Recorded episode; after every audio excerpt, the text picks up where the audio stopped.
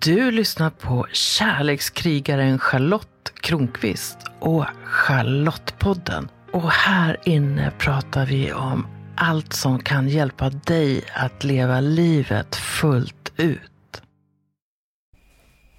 Idag så ska du få möta Li Tada som bland annat är intimitetscoach och som jobbar mycket med kroppen och med dans och med lust.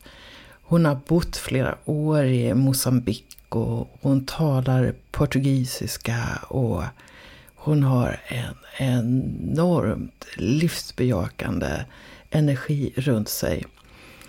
Och anledningen till att jag ville prata med Li var att jag skulle starta Kvinnorummet som är ett program för kvinnor 45 plus.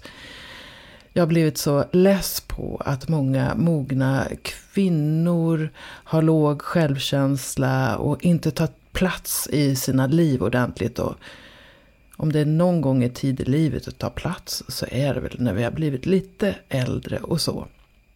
Så därför bjöd jag in Li till ett samtal om kvinnor och ålder.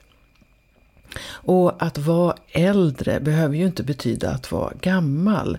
Li som är 36, hon menar på att hon har någonting att lära sig utav alla kvinnor som är äldre. Och det räcker ju med att man bara är lite äldre så är man äldre. Hon pratar en hel del om att det finns så mycket att lära av varandra och den livserfarenhet som vi lite äldre kvinnor också har. Så det här samtalet handlar i hög grad om ålder, erfarenhet men också lite grann om njutning. Så välkommen till ett samtal mellan Li Tada och mig, Charlotte Kronqvist. Jag befinner mig på klustret tillsammans med Li Tada som är lust och intimitetscoach. Och vi träffades eh, på Stockholm Tantrafestival hösten 2021. Vad gjorde du där? Jag eh, höll i eh, några workshops där som framförallt är kopplade till att komma i kontakt med sin egen lust via dans. Ehm, och håller också på en del med conscious kink och sådär. Men just på tantrafestivalen så var det mycket fokus på rörelse. Vi hade också live trummor. Komma i kontakt med kroppen, att hitta sin grundning och kunna mötas genom kroppen och känna gemenskap. Så det var väl mitt fokus just på Tantrafestivalen. Och så hände det sig vid ett tillfälle där på festivalen att jag pratade med en tjej som ville använda mig som förebild när det gäller äldre kvinnor och lust. Och då sa jag någonting om, om det där och då så sa du så här, men ni som är äldre kan ju vara en förebild för oss som är yngre också. Och då bara, åh, kan vi? Hur tänker du att liksom, relationen mellan yngre och lite äldre kvinnor är i, i Sverige idag, eller i världen idag? Mm. Ja, men, jättebra fråga, för att eh, jag tror verkligen, eller jag, för mig är äldre kvinnor jätteviktiga förebilder. Och jag kanske inte insåg det när jag var yngre. Och jag berättade för dig tidigare idag att eh, när jag var 25 så eh, tyckte jag att så här, I'm on top of everything och jag måste veta allt och jag kan allt och jag behöver ingen hjälp och jag fixar allting. Och eh, då var det en mentor som kom till mig. Jag valde inte själv att jag behövde mentor. Jag höll på att driva ett projekt i Mosambik och det var en äldre kvinna från England som ville stötta vårt projekt. Och hon kom liksom och pekade med fingret kan man säga, när jag gjorde fel. Eller när jag kanske borde liksom se mig själv lite mer utifrån och, och, att du måste lyssna på de som är äldre. Och jag var sådär, vadå lyssna på de som är äldre? Vi i Sverige har inte fått lära oss att lyssna på de som är äldre. Eh, redan i skolan så ska liksom eleverna och lärarna, vi ska vara på samma nivå. Eh, och det pratas ju ganska mycket om att äldre känner att man inte blir respekterad av yngre, lärare blir inte respekterade av elever. Och min upplevelse då att bo i, i Mosambik, men även ha varit i kontakt med väldigt många andra kulturer där man pratar om elders. Och när man är en äldre, det är inte bara en ålder, men det är att man är i kontakt med att man har levt ett långt liv och att man besitter väldigt mycket kunskap på grund av det. Och om jag är yngre än någon så besitter någon som är äldre än mig per automatik mer kunskap. Eller kunskap som jag inte har på grund av att den har levt längre. Och för mig har det varit väldigt viktigt eh, att kliva in i ödmjukhet inför vad jag kan lära mig av alla andra människor. Och det, och det är klart att jag, om jag är äldre än någon kan jag lära mig jättemycket av det. Och det, slår in, det ena slår inte ut det andra. Ehm, och som intimitetscoach har jag ju kvinnor som kommer till mig för att de ser mig som en förebild. För att de, jag har gjort den resan som de aldrig gjorde och nu känner de att det är dags, liksom, fastän de är 50 eller vad det nu kan vara. Men samtidigt så upplever jag i den stunden att jag känner mig ödmjuk, att de väljer att gå på min kurs och de har så mycket erfarenhet som jag inte har. Bara, bara en sån enkel sak som att jag inte har barn, jag har inte fött barn. Jag har inte eh, levt en lång eh, period innan internet och eh, telefon. Eh, jag bara pratade med min mamma, hon var så här, det är verkligen ett helt annat liv. Jag menar förr så hade vi inte så mycket saker att göra. Eh, och om vi slutar att fokusera på vad vi redan kan och fokusera på vilka erfarenheter kan jag eh, tillskansa mig genom att lyssna på de som är äldre, som har levt i en annan tid, som har gått igenom otroligt mycket saker. Liksom. Om, vi, om, vi, om vi snackar riktiga äldre, liksom, eh, från eh, våra mor och farföräldrar, de har, de har levt under krig. Och här sitter vi nu under covid och tycker att allting är så fruktansvärt, men så lyssnar man på de äldre som bara säger, nej men jag har eh, till och med de äldsta som lever idag. Jag levde igenom spanska influensan och jag lever ju. Både första och andra världskriget. Och det ger en så mycket perspektiv. Vi lever ju då i ett samhälle där det är ganska dålig kontakt mellan generationerna mm. och det är många kvinnor som är liksom 50 och äldre som, som känner sig mm, lite förtryckta och lite upptryckta och så. Hur, vad skulle man kunna göra för att öka liksom spelytan mellan de som är lite yngre och de mm. som är äldre? Alltså, eh, om, man, om jag skulle prata till de som är i, i den yngre, de som inte räknar sig då som äldre, antingen min ålder eller yng, ännu yngre och bara att så här, bjuda in vilka äldre har jag runt omkring mig som jag kan ringa och fråga hur de mår ringa och be dem att berätta om någonting. Att det är så här, för det ligger väldigt mycket, upplever jag, på vår yngre generation, att vi intresserar oss av de som är äldre. Eh, för mig hände det ett väldigt stort skifte när min, eh, när min bror fick barn och jag också bott i ett kollektiv där vi har eh, ett barn, ett litet barn. Och hur viktiga de är för mig. Men tänk om jag skulle, de är bara ett och två år liksom. Men säg att jag skulle flytta utomlands nu och sen så kanske inte träffa dem så mycket. Och sen så kommer jag om 15 år och bara Åh, hej då, jag vet du mitt liksom. Och den personen säger ja, jag vet väl inte vem du är. Ja, eller hur? Mm. Och jag har själv bara varit på andra sidan. När mamma och pappas vänner liksom, åh hur är det med lilla Lisa? Och ja men du vet, och de frågar, ringer och frågar mamma och pappa vad jag gör och hur det går för mig. Medan jag har varit såhär, ja men jag är ledsen men jag kan inte ha någon relation för att jag jag kommer inte ihåg den relationen. Mm. Och nu plötsligt då när jag får vara den här äldre fasten till mina barn, hur glad skulle inte jag bli när de är 15 år om de ringer mig och frågar hur faster Lisa mår? Och ber mig att berätta, nu går jag i skolan, hur var det när du var 15? Vad hade du för upplevelser då? Så det har fått mig att ringa mer till mamma och pappas vänner eller till min faster eller ja, men sådana personer och visa att liksom, du är viktig för mig. Du är en förebild. Du fanns med mig när jag var barn. Och du vet saker om mig. Det påminner mig om när min farmor passerade 80. Då ville mm. jag försöka träffa henne så mm. mycket som möjligt. Ja. Medan tiden är. Precis. Och min mamma nu är 85 och det är också samma. Jag hade ett projekt 2020 eh, där jag intervjuade på Zoom båda mina föräldrar sammanlagt många timmar, en halvtimme i taget. För jag bara mm. tänkte, deras röster måste få finnas kvar. Om inte annat så i familjen. Mm. Och visa att jag värdesätter Verkligen. dem. För om vi inte gör det så går ju vi också igenom samma misstag. Och samma, alltså, som vi inte tar med oss de upplevelserna så, så stannar, avstannar vi i utvecklingen. För att det är tack vare dem som vi är här. när du var i 25-årsåldern så var du ju i Mosambik i Mm. tre år. Och där fick du också lära dig ett annat sätt att förhålla sig till tid. Mm. Nämligen att, att stressa runt är oartigt. Mm. Ja. Kan du inte säga lite om det? För jag tror att det har en liten koppling till hur lite vi umgås mellan Ja. generationerna. Verkligen. Och det, det här, nu blir det här som en ny tanke. Därför att jag kan tänka mig att äldre i Sverige också tycker det. Det är bara att de har inget utrymme att tycka det. Eller de får liksom inte säga det. Därför att eh, nu är det ju så samhället ser ut. Men jag kan verkligen tänka mig att äldre i Sverige känner att ja, men det var bättre förr och man stannade upp och sa hur mår tant och liksom god morgon och god dag och god eftermiddag. Och, och i, i Mosambik så har man verkligen kvar den traditionen av liksom god morgon, god eftermiddag, god kväll och bon dia senora, como está? Och kommer man dit då och liksom så här, eh, ursäkta mig jag vill ligga i banken och bara tittar på en och bara bon dia, como está?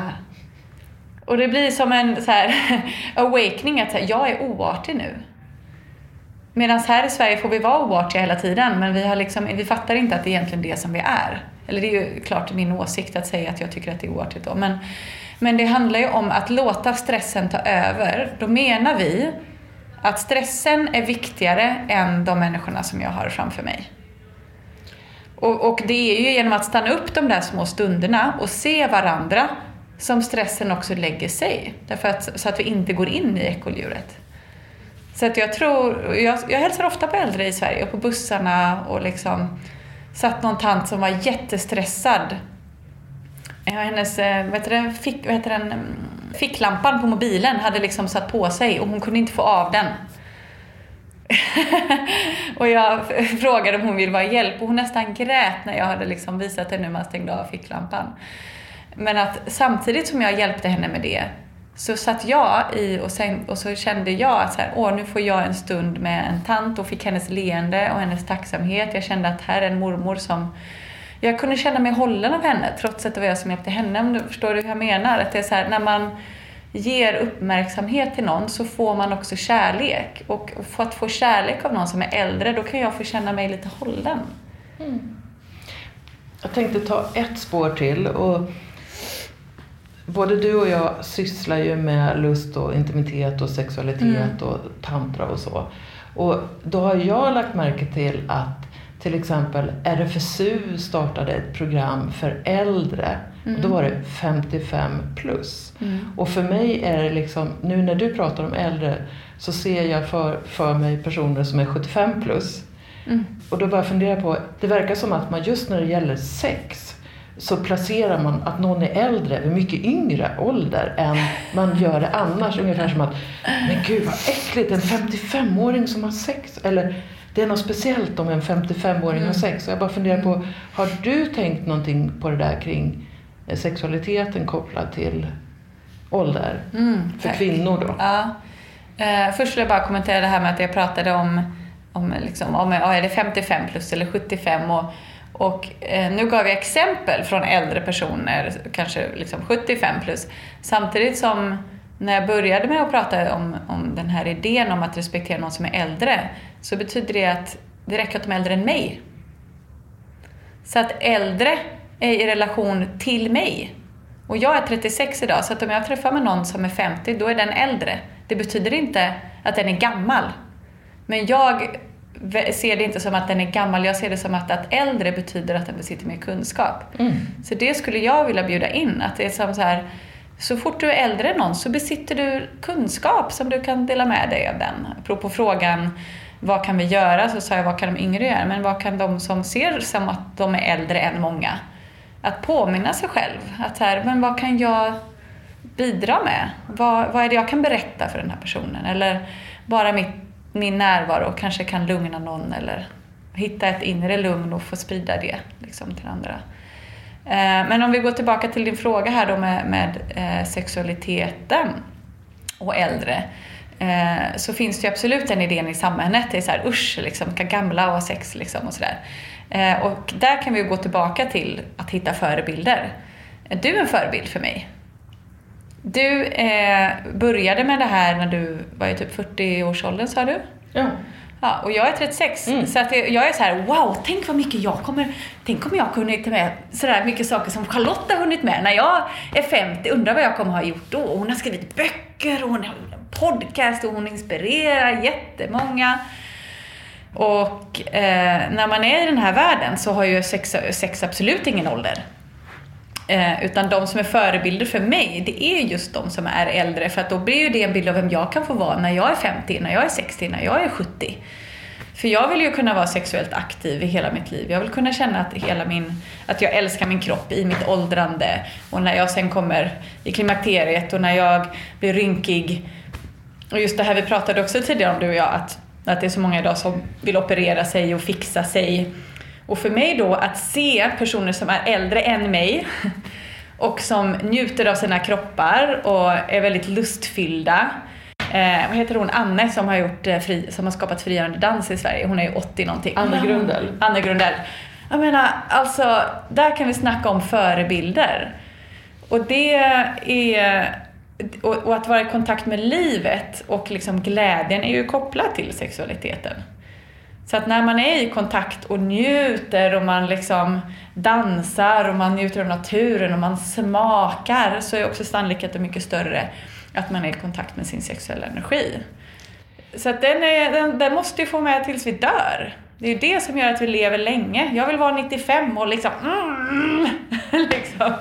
Jag tror både du och jag kommer att vara det faktiskt. Och, Absolut. Och jag har ju gått ifrån att tänka så här, åh jag är bland de äldsta här och vad ska de andra tänka? Till att medvetet börja äga Ja. att jag blir äldre Ja. och så bara Nej men det finns ju folk som kan tycka att det här är cool. Eh, eh, Vet du- eh, istället- Vet du att min istället- bror brukar säga till mig, han bara Oroa dig inte för att det inte kommer gå bra för dig. Du är bara lite för vis för din ålder. Så folk tar dig inte riktigt på allvar än. Men vänta några år tills du får lite gråa hår. Då kommer alla vilja lyssna på vad du säger. Och att det ligger något i det. Just när det så här, handlar om att man är en, en person som ska prata om vishet och hur man ska leva livet och livserfarenhet. Då får du inte vara för ung, för att då tar inte folk dig på allvar. Så att just inom den här branschen så skulle jag ju säga att ålder ger ju verkligen liksom, ja, erfarenhet och respekt. Och jag känner ju också att inom det här klustret vi liksom befinner oss i så är det så på riktigt. Jag känner att, att alla blir som jämbördigt bemötta och så möter jag dig för dina kunskaper och Mm. din erfarenhet och du Mm. möter mig för min. Så det är som ett fint mikrokosmos Ja. faktiskt. Verkligen. Tack Liv Tada för att du ville prata om ålder med mig här. Mm. Jättehärligt. Tack så mycket. Den här inspelningen gjordes i början av året innan Li skulle åka iväg och bland annat besöka Brasilien. Passar ju så bra för någon som talar portugisiska, tänker jag. Och eh, jag har hunnit öppna kvinnorummet sedan dess. Och nu är det sommar 2022. Och eh, jag kommer att starta något som jag kallar för Kvinnorummet Zoom den 31 augusti.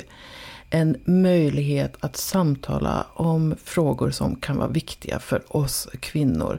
Och så jag har lagt in sju stycken Zoom-tillfällen, lika många, som, lika många avsnitt som ingår i mitt program. Då kvinnorummet. Så det här blir ett sätt att liksom ta sig in i kvinnorummet mm, lite så här vid sidan av.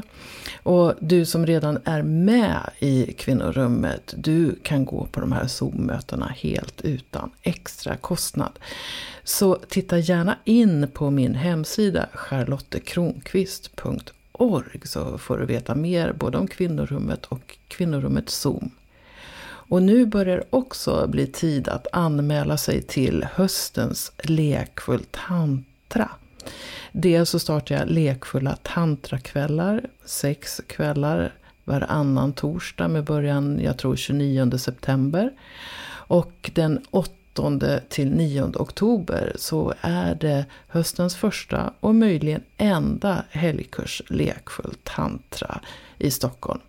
Så välkommen att anmäla dig eh, skicka frågor om du har och jag hoppas att du också njuter av sommaren.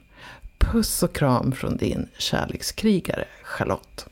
Kom ihåg att prenumerera på Charlottepodden så att du är med när nya avsnitt kommer.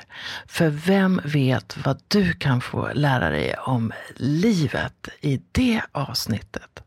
Rekommendera gärna podden till en vän så är du med och sprider vetskap om att den här podden finns och berätta vad den ger just dig. Jag skulle bli så glad om du också går in i din podcast-app och lämnar en kommentar eller skriver en recension av podden. Ju fler som gillar podden öppet, desto fler kommer också att hitta den.